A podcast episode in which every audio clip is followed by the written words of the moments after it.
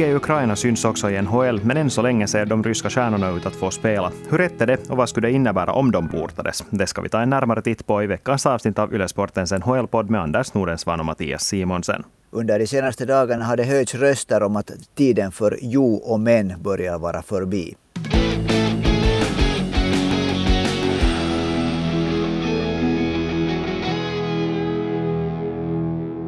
Ja, det går ju inte att undvika Rysslands invasion av Ukraina ens i NHL. Vi har fått in frågor om det här. Sami undrar exempelvis hur kriget helt i praktiken kan påverka NHL-säsongen. Och vi har ju redan fått några första svar på den frågan. NHL har meddelat att de avslutar allt samarbete med sina ryska partners, som i praktiken innebär till exempel att NHL-matcher inte längre kommer att synas på rysk TV. Men värst, så här ska vi säga, allvarliga följder har den här nyheten inte. Nej, och så, sen kan man inte nu läsa nhl.com på ryska. De stänger ner de här ryska, ryska versionerna av den sajten. Men som sagt så ännu är det nog ganska mycket Ännu är det nog ganska mycket liksom i, skulle jag säga, i startgroparna vad, vad det här kommer att innebära. Vi ska komma ihåg att för en vecka sedan så världen ännu trots allt ganska annorlunda ut. Så det där äh, NHL är kanske inte nu helt i, i bräschen för att göra radikala beslut men, men det, där, eh, det finns nog ett tryck mot också NHL för tillfället. Mm. För den stora frågan just nu är ju det att ska de ryska spelarna få fortsätta spela i NHL? IOK uppmanade eh, på måndagen, igår alltså, då när vi bandar in det här avsnittet igår, så uppmana IOK samtliga grenförbund att stoppa alla ryska och belarusiska idrottare, men det här gäller bara landslagssammanhang. Och IHF meddelar ju efter det här igår kväll att Ryssland och Belarus inte kommer att få spela i herr eller dam-VM eller JVM och att JVM 2023 dessutom ska arrangeras någon annanstans än Sankt Petersburg. Eh, men i NHL så verkar tongångarna vara det att här representerar de ryska spelarna sina klubbar, inte landslaget. Åtminstone i det här ställningstagandet som NHL, kom ut med igår, så tog man nog inte egentligen en ställning till om det här, skulle kunna, om det här är någonting som ens har diskuterats. Nej, vi får se om det, om det här liksom hur länge det tar för det första för den här diskussionen, eh, den här frågan kommer upp på nytt. Nu är det ju såklart eh, starka åsikter som florerar för tillfället men det där helt kan man ju inte ignorera att världens antagligen bästa målvakt genom tiderna, tjecken Dominik Hasek förra äh, i slutet på förra veckan kom mycket starkt ut med, med det där direkt verkligt stark kritik mot Alexander Ovechkin men också det att han anser att, att de ryska och belarusiska NHL-kontrakten ska rivas omedelbart. Han sa att visst, jo, det är orättvist mot de här individerna, de här individuella spelarna. Men det är fråga om större saker för tillfället och det är också ett sätt att påverka det ryska folket som följer med sina idrottsstjärnor, som är våldsamt intresserade. Också den ryska eliten, början från Vladimir Putin, är väldigt intresserad av hur det går för de ryska spelarna i NHL. Om man vill påverka ett folk som kanske inte alltid får all information som, eller som inte får all information som det där som övriga världen har, har tillgänglig för sig så är ett sätt också att få dem att undra att vad, vad händer, varför får, inte, varför får inte våra stjärnor spela i NHL? Och då är det kanske frågan om det skulle gå så att man skulle gå in för att överhuvudtaget diskutera ens att stänga av de här på ett, på ett allvarligt sätt. För nu igen måste vi understryka att den här diskussionen existerar inte åtminstone offentligt i NHL just nu. Att, att linjen är den att de inte tänker stänga av de ryska spelarna. Och om det skulle bli aktuellt att stänga av ryska spelare så skulle det då handla om att man stänger av alla eller bara vissa individer. För det finns ju ändå, ska vi säga, de två motpolarna representeras just nu i NHL. Att vi har på den ena sidan har vi Alexander Ovechkin som har stött på Vladimir Putin, uttalat stött Vladimir Putin.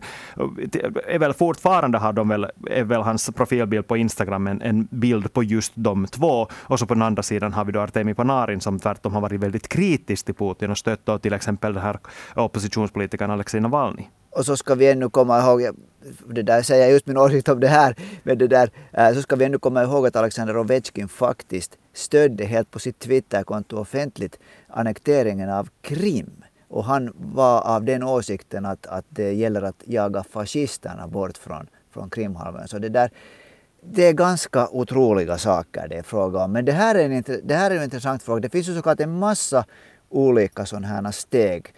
Ett möjligt steg skulle ju också vara att klubbarna och kanske spelarna inom klubbarna. Vi ska tänka att det finns finska spelare, det finns svenska spelare, det finns tjeckiska spelare, det finns slovakiska spelare som garanterat inte är oberörda av det som nu händer. Att de ryska spelarna som spelar på något sätt framför laget eller offentligt måste ta ställning till den här frågan om de vill fortsätta att spela. Men samtidigt är det inte heller bara lagen som kan fatta de här besluten. Klubbarna har inte den möjligheten, skulle jag våga påstå. Ja, men vi har redan nu sett det att, att det ryska ishockeyförbundet till exempel har hotat med att dra IHFs beslut att porta dem till idrottens skiljedomstol. Och då vet vi att hur ska vi säga, den juridiska kulturen är i USA, att om de här klubbarna på eget bevåg plötsligt börjar riva kontrakten, så tror jag alldeles garanterat att de förs till rätten av de här ryska spelarna, för som alldeles garanterat vill fortsätta spela det här är nu en situation som vi inte har sett sedan det där 30-talet, 40-talet, en sån, här, en sån här situation det där. Så jag vet inte, finns det en sån möjlighet att en sån här, sån här domstol egentligen inte, till exempel inte ens tar upp ett sånt här fall? Jag vet inte, jag vet inte. Det är liksom, jag, nu är jag inte jurist, jag är inte specialiserad på internationell lag, inte på idrottslag, men det där, jag tycker det här är liksom, det här är så en annan värld från om någon upp, upp, det där upplever sig ha blivit dåligt behandlad på grund av att möjligtvis feltaget dopingprov. Vi, liksom talar om, vi talar om vakuumbomber som exploderar för tillfället i ett, ett land som, som det där inte på något sätt har provocerat ett, ett anfall. Att, ja, det där, jag undrar just vilka förändringar också på det här, på det här sker här. Men vi måste också komma ihåg att den här diskussionen gällande Ryssland ser helt annorlunda ut i USA än vad den gör i Europa just nu. I och med att också Rysslandsfrågan där är så grymt polariserande och grymt uh, politiserad överhuvudtaget. Där att jag tror inte att man på samma sätt kan förvänta sig att de här klubbarna kan ta sådana beslut som de eventuellt skulle kunna göra i Europa och få, så, få allmänhetens stöd. Och därför kommer jag in på det här sen som jag tror att det här skulle kräva det att det kommer högre uppifrån helt enkelt från till exempel att USA som en del av sina sanktioner skulle listade att, att ryska idrottare inte får verka på amerikansk mark. För nu ska vi ändå komma ihåg det, att det finns egentligen bara, om vi tittar på de nordamerikanska proffsligorna, så inte finns det ryska stjärnor i några andra ligor än NHL. Så jag tror att tröskeln att att, att ta ett sånt här steg faktiskt egentligen är förhållandevis låg. För NHL har inte samma stjärnstatus som liga i USA. Det här skulle vara ett ganska lätt sätt för också mm. politikerna att markera. Och jag tror att det är den vägen som det måste hända för att någonting ska gå framåt på den här punkten. Jo, alltså i något skede så, så, så blir det nog säkert att säga, från USA, alltså Nordamerika, statlig inblandning. Och nu ska vi sen komma ihåg att NHL ändå spelas i två olika länder och när det gäller liksom NHL fungerar på ett sätt men vi ska komma ihåg att USA och Kanada skiljer sig verkligen mycket från varandra på många punkter när det, när det sen när det kommer ner till, till, sån, till, till internationell politik och det där människorättigheter och, och det där och, och politiskt system. Och nu är det ju faktiskt nu har ju faktiskt den kanadensiska juniorligan CHL för tillfället diskuterat det här att ska, ska de ryska och belarusiska spelarna få spela vidare i, i den ligan. Mm. Så, men samtidigt ska vi också minnas det att det finns inte riktigt ryska stjärnor i de kanadensiska lagen heller. Nej, det, är, det är faktiskt, och det här var någonting, det där, eh, för våra lyssnare, det här var någonting när vi diskuterade det här igår med Mattias. Så det, där, det här var faktiskt någonting som jag hade inte funderat på det här. Det, det du lyfte upp det, det är ju faktiskt sant att de stora ryska stjärnorna spelar alla på, på det där på södra sidan om gränsen. Alltså det är helt enkelt så att om, om Kanada till exempel skulle bestämma sig för att, att ryska spelare inte skulle få spela i de kanadensiska lagen så skulle de kanadensiska lagen inte drabbas värst, värst hårt. Att det är ju bara Nej. så att alla, spel, alla ryska eller belarusiska spelare som finns i de kanadensiska lagen är sådana som går att ersätta ganska lätt. Exakt precis på det sättet. Och sen igen om vi tänker på regerande Stanley Cup-mästarna, äh, Tampa Bay Lightning, ryska stjärnorna i det laget är minsann inte lätta, lätta liksom att, att, att sätta åt sidan och ta in någon som är lika bra som en målvakt som Alexander Vasilevski eller, eller Nikita Kucherov eller Sergachev, backen. Och, och sen har vi ju det här som, som jag det där no, det här är inte på något sätt någonting som är humoristiskt men absurt att det, att om man tänker hur världen ser ut, att USAs huvudstad har ett ishockeylag som heter Washington Capitals och kaptenen för det laget är en, spelare, en rysk spelare som flagga, har flaggat för Putin öppet. I det här läget nu så det är någonting som, som det där som särskilt Baron Cohen kanske skulle kunna få inspiration av.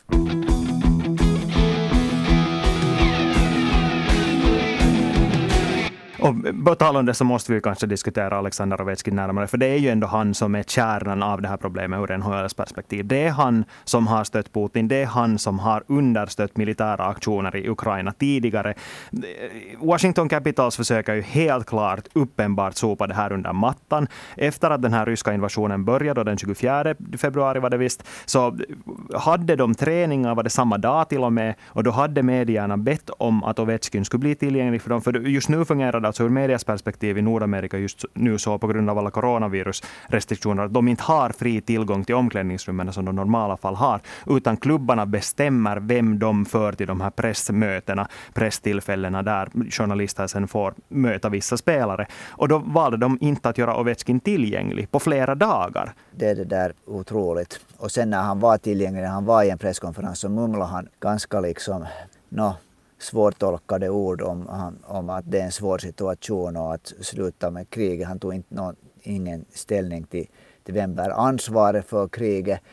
Det man lämnar framför sig så brukar man hitta, lämnar man bakom sig så brukar man hitta framför sig. Och den här, jag skulle nog säga att den här, den här Ovechkins åtta år gamla äh, ställningstagande till att, att det var okej okay att, att det där invadera, annektera Krim och att kalla ukrainarna för fascister. Så det har han nog nu framför sig. Och när jag tänker till exempel på omklädningsrummet som vi nu ämnar i Washington Capital, så där finns spelare till exempel från Sverige. En, en center som, är, som har spelat mycket med Alexander Ovechkin, Niklas Bäckström. Och nu hade ju Putins regim talesperson för Putins regim, den utrikespolitiska talespersonen, har öppet egentligen mer eller mindre hotat Sverige med vad som händer om Sverige till exempel beslutar sig för att själv, själv göra ett beslut om de vill höra till NATO eller inte. Hur förhåller sig Niklas Bäckström till att spela med en, en, en spelare som öppet stöder Putin? Det är en jättebra fråga. Och överhuvudtaget andra personer också som inte ens nödvändigtvis har eh, själv känt det där hotet. För nu ska vi också minnas att säkert för jättemånga i USA och Kanada känns det som att det här kriget pågår någonstans där på andra sidan Atlanten. Det är inte väldigt nära hemma, men samtidigt har ju de flesta en uppfattning om vad som händer där och eh, vet ju också exakt hur aktiv Ovechkin har varit i den frågan. Men jag tycker att det finns två nyckelpoänger som vi måste diskutera, som har varit framme på tapeten. Och det första är det att Ovechkin inte ens skulle våga nu kritisera Putin, eller våga backa från sina ståndpunkter i och med att hans familj fortfarande finns i Ryssland och att han skulle vara rädd för vad den ryska regimen skulle kunna göra åt dem om han skulle gå ut och vända kappan och, och nu vara emot det här kriget. Det här var ju något till exempel som den äh, ryska, ryska journalisten äh, Vyacheslav Slava Malamud som har, som har flyttat till USA, som han mycket starkt kritiserar den här åsikten. Jag, jag, det där, jag är inte tillräckligt kompetent nu för att säga om det gäller inte, men det här var en rysk en, en, en rysk journalist som har levat absolut största delen av sitt liv i Ryssland, som var verkligen starkt i ställningstagande och sa att Alexander Ovechkin absolut kan säga att han, att han hör inte till dem vars familj är hotad, att han inte kan undgå ansvar från att ta ställning i den här frågan. Och det som jag liksom funderar ännu på det här att just att när det blir den här att, att, att våga eller inte våga, så det skulle ju också, tycker jag personligen, stöda det att, att det där att om man gör beslutet att så länge en sån här situation, en sån här liksom sådana här vindar blåser så är det omöjligt för ryska och belarusiska spelare att spela i internationell idrott, vara med i internationell idrott. Om det beslutet skulle komma uppifrån så skulle man inte behöva fundera på det här att vilken spelare är rädd för att, det, att dens familj blir dåligt behandlad eller ver, eh, verkligt dåligt behandlad eller, eller utsätts för sanktioner. Om beslutet kommer att, att sorry, att nu är det så att, att världen är inte som förut, det här går inte. Så det skulle ju vara ett, ett, ett, det där, en, en lösning. Där förresten, den här Slavo Malamuds Twitterkonto är väldigt bra om man vill läsa in sig på vad exakt Alexander Ovechkin har gjort under sina tidigare år när han uttryckt stöd för Vladimir Putin. Men den andra frågan då kanske sen som människor har tagit i, på sitt sätt försvar för Ovechkin, om man vill kalla det så, så är det här, det här gamla vanliga ramsan om att politik och idrott inte borde blandas ihop. Och det är nog det, det, är nog det värsta skräpet. Liksom. Det, det är nog det, det, det, det som Fifa lever med och det är det som, som det där före detta eh, internationella ishockeyförbundets ordförande René Fasell. Det är liksom, jag vet inte, jag får ordentliga sådana här eh, spyreflexer när jag hör den där den åsikten. Och det, här det, det går ju inte liksom att undvika det att i Ryssland så finns det inte någonting sånt som att särskilja på politik och idrott. Allt är ju samvävnat där och den idrotten, den ryska landslagsidrotten och de ryska idrottsstjärnorna så är ju en del av ett jättestort propagandamaskineri. Det har man vetat om hur länge som helst redan. Och Alexander Ovechkin har ju varit den här synligaste delen av det här. Det var han som grundade det här Team Putin, ett sånt här understöds, en understödsrörelse då i samband med det här senaste presidentvalet var det visst, där han i princip samla ihop idrottsstjärnor och andra kändisar i Ryssland för att stödja Vladimir Putin i den här valkampanjen. Att Ovechkin har ju själv så otroligt aktivt tagit en politisk roll och det att han har till och med synts på med Putin-t-skjortor på i samband med matcher är ju någonting som säger att, att han inte har tidigare åtminstone rädds för att för att visa sitt stöd för den ryska presidenten. Och det är ju någonting som man måste kunna stå för också sen när så att säga shit hits the fan som det nu verkligen har gjort nu. Det är precis så att, att, att som sagt, det man lämnar bakom sig så hittar man framför sig. Det är fullständigt omöjligt för Alexander Ovechkin, tycker jag, att kunna gömma sig bakom några fraser om att det är min president och, och det där situationen är hemsk. Nu, nu, är det, nu lever vi bara en vecka från det att det här liksom hela har egentligen kört igång under en vecka ännu. Och nu är det redan liksom, nu har vi redan internationella olympiska kommittén, vi har internationella ishockeyförbundet, vi har enskilda klubbar som till exempel i, som till exempel äh, i, i, i den svenska hockeytvåan eh, som, som anser att, att ryska idrottare, belarusiska idrottare inte ska få, få för tillfälle delta. Det där det är ännu, allt är liksom ännu håller på, på liksom att gro. Och den här diskussionen, jag är mer eller mindre fullständigt övertygad om att NHL inte kan bara nu säga att det här var, det var vad vi har att säga om det här och nu fortsätter vi igen och, och kör vidare och ser till att våra ryska spelare kan vara trygga när de, när de åker ut i, i rinken. Det, där. det är nog det här NHL har hittat också framför sig det de försöker nu lämna bakom sig. Jag är inte så säker på att det där kommer att hända. För ja, om vi skulle säga så att om det skulle gå så, vilket man ju förstås inte önskar, att den här krisen skulle eskalera och det här våldet skulle eskalera i Ukraina just nu, så då kan det hända att i och med att västvärlden tar i hårdare sanktioner som också då skulle kunna ha följder för idrottsvärlden, så då i det skedet kanske man också i NHL på allvar börjar snacka om det. Men jag tror fortfarande på något sätt att det är så främmande nu för att det här är, det här är inte en ett krig som USA direkt är involverat i. Och då är det på samma sätt inte en sån där måste på att snacka om det på samma sätt som det skulle ha varit om till exempel USA direkt skulle ha varit involverat i det här kriget. Att man i de här klubbarna, i media som följer med NHL just nu, så kan man på något sätt ändå motivera det för sig själv att man förbiser det här när man snackar med ryska idrottare. Så jag tycker att jag ska, man, man borde ställa alla ryska idrottare mot väggen just nu och bara be dem öppet säga vad de tycker om den här frågan. För det är på något sätt på deras ansvar också i och med att de har varit en del av det här propagandamaskineriet och åtminstone ge dem möjligheten att ta avstånd från det. Men, men just nu gör ingen det. Det är bara Ovechkin som har hamnat i den här rollen, att han måste få förklara sig själv. Artemi Panarin har sen själv satt sig i den här sitsen, att han vill förklara var han står. Det är nog det, är nog det där nu, i första hand om man tänker helt på NHL på daglig basis, så är det nog de nordamerikanska hockeyjournalisterna som, som det där bär ansvar för att det bara inte godkänna den här nuvarande situationen. Men sen tror jag nog det där att, det där, att just det här med att det kanske kommer uppifrån för att okej okay, USA är inte in, in, involverat direkt i kriget, Kanada är inte men till exempel CNN för tillfället sänder 24 timmar om dygnet det där äh, direktsändning från, från Ukraina och från gränsen mellan Ukraina och Polen. De har ett, ett otroligt maskineri med journalister som är där hela tiden analyseras. Amerikanska generaler intervjuas hela tiden. Så det här är nog inte någonting som, som liksom inte är en daglig och stor diskussion i USA också. Vi ska komma ihåg att nu är det där har Vladimir Putin också tagit fram äh, kärnvapenkortet ur bakfickan och det är någonting som såklart också USA nog direkt reagerar på. Så det här, om den här, vilket jag, om man får tippa så tippar jag att det kommer att komma uppifrån äh, åsikter och beslut om det här som NHL sen bara kanske egentligen ganska gladeligen också fogar sig i. Och här kommer vi igen, igen när du tog upp det här med de nordamerikanska hockeyjournalisterna, så kommer vi igen fram till det här jätteproblematiska förhållandet som de har med klubbarna, i och med att de lever på den här inside-tillgången eh, som de har. Att de har tillgång till, till klubbarna på ett sätt att de, de kommer åt information som klubbarna vill att ska komma ut i media och de vill vara klubbarna till lags på det sättet, för de vill ju inte bli av med den här, den här tillgången till, till spelarna, till andra, andra personal i klubbarna heller. Och då vill man inte heller rapportera om sånt som de här klubbarna inte vill att de ska rapportera om. För till exempel, helt som du sa, Tampa Bay Lightning, New York Rangers, Pittsburgh Penguins, de är alla sådana lag som skulle drabbas oerhört mycket av att bli av med sina ryska spelare just nu. De vill ju antagligen inte på klubbnivå att det ska hända. De kan ju med dollartecken i ögonen se förbi det här som händer i Ukraina just nu för att de tror att det här, de har lag som kan gå väldigt långt i slutspelet och generera pengar åt dem.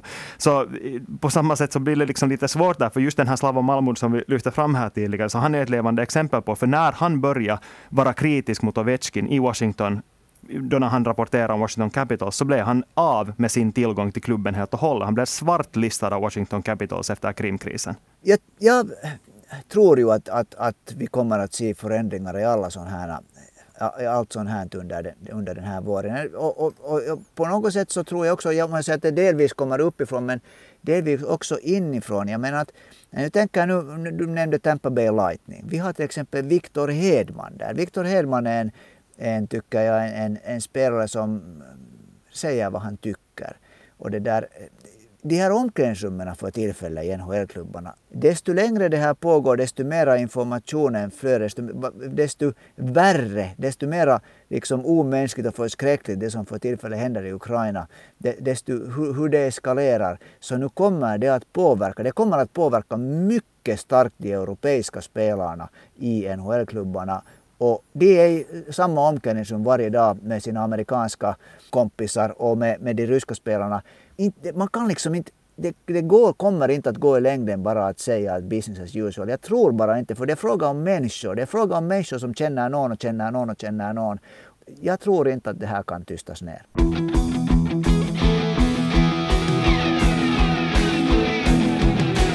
Om vi sen tar och blickar lite längre in i framtiden så är ju också någonting som kan komma att påverka NHL det som händer åt KHL just nu. Vi vet ju redan att Jokerit inte kommer att spela i slutspelet. Dynamo Riga har helt och hållet sagt att de drar sig ur ligan. Jag tror inte att någon är överraskad om Jokerit ändå sist och slutligen ska komma fram till samma beslut.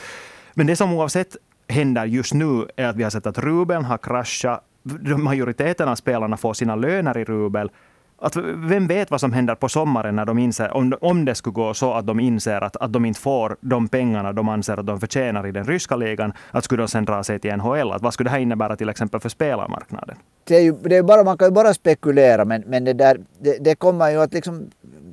Det blir ju en explosion här, för att vem vill, vem vill mera just åka tillbaks till KHL efter den här säsongen eh, det där, av, av de spelarna från Finland, Sverige och övriga europeiska länder utanför för Ryssland och, och Belarus. Så det där, spelarmarknaden kommer säkert att, att det där explodera. Och, och, och, det kommer att, det kommer KHL, ja just det kommer KHL att kunna liksom finnas kvar efter den här säsongen. Vi får se. På något sätt kommer de säkert att, det där, att, eh, att fortsätta. Det som jag ännu lite funderar på om jag får återgå till det där till den här ännu den här mm, problematiken med Kreml och NHL och ishockey. Att det där, att, äh, ishockey har ju ända sedan 60-talet varit liksom Kremls favoritidrott. Helt, det har varit ett sånt här liksom politiskt slagvapen, ett propagandavapen. Och nu spelar du de bästa ryska spelarna i NHL. Och, och jag, fortfarande så, så, tror jag mycket starkt på det där att, att om man vill påverka den ryska folkopinionen så ett sätt är ju det att att de inte får ut pengar från bankautomaterna. Ett annat sätt är också när de börjar fundera just på, att det där, på att, att varför de inte kan följa med sina stjärnor ute i världen, vad är det som händer. Så, så jag tror att den här aspekten också kommer att liksom påverka de beslut som görs liksom högt uppe i, i till exempel amerikanska administrationen. Mm, men samtidigt så säger den ju här ju, ska vi säga, sättet som Kreml ser på ishockey just nu är ju väldigt annorlunda än vad det var på 60-talet. För om man tittar på den röda maskinen då så var det ju bara spelare som höll till i Tjeska Moskva i princip. Att det var, den röda maskinen var spelare som höll till i hemlandet som sen när de spelade mot nordamerikaner var ett bevis på att det sovjetiska systemet är bättre för att vi är bättre än dem på ishockey. Nu är det mer så att man ser att man har stjärnor i Nordamerika, att man visar att våra spelare är minst lika bra och så använder man dem just som man har använt Alexander Ovechkin som propagandaverktyg i, i liksom liksom valkampanjer. Att det, det, det skulle liksom eventuellt kunna leda till det att om man portar de ryska spelarna från NHL skulle det kunna leda till en likadan situation där de sen flyttar tillbaka till KHL och att man gör KHL till en sån här helt rysk serie. Det är en helt avsevärd möjlighet. Men nu måste jag nog säga att vad tror du? Tror du att de här NHL-spelarna som nu bor i Nordamerika är, är det där njuter av allt det som man kan, kan njuta av där om man har pengar. Så det där, tror du att de vill flytta tillbaka till Ryssland? Men i det skedet handlar det ju inte mer om att vilja utan om att bli tvingade att göra det. För i det skedet där NHL portar dem, så då kommer, jag tror inte att NHL kommer att vara de första som portar, utan det är sådana beslut som kommer att komma i de europeiska ligorna först. Och i så fall finns det inga andra alternativ. No, sen finns frågan ju det här att det där att portar dem, ja, men, men tvingar dem att flytta bort från landet, det är en annan fråga. Och sen, det där, sen finns det säkert en massa processer att för äh, ryska spelare som kanske vill bli i Nordamerika och kanske då i det skedet vill säga, säga liksom upp, så att säga, upp förbindelserna till Putins Ryssland. Så det, där, det, men det här är ju sådana liksom tankegångar som inte ännu är aktuella. Men det, det, liksom det, det är nog en härva som jag tror att det är nästan omöjligt för tillfället att, att liksom riktigt ännu kunna säga hur det kommer att gå. Det är såklart omöjligt men det där helt klart tror jag nog att det blir så att NHL inte kommer att kunna ignorera det här. En sak ännu som vi måste ta upp här till, till slut är ju det som NHL också lyfter fram, att de kommer att göra nu efter att en av spelaragenterna i NHL lyfter fram att, att de här ryska spelarna faktiskt är rädda för sin hälsa just nu, att de är rädda för sin säkerhet i USA. Och det är ju någonting som NHL genast att ner foten med att säga att de inte tolererar något som helst våld mot de här ryska spelarna utanför rinken, om vi säger på det sättet. Att det här är ju också någonting som man säkert kommer att hålla ett öga på. Man kan ju bara hoppas på att det inte, inte skulle gå så att det skulle riktas våld mot de här ryska spelarna i, NHL heller.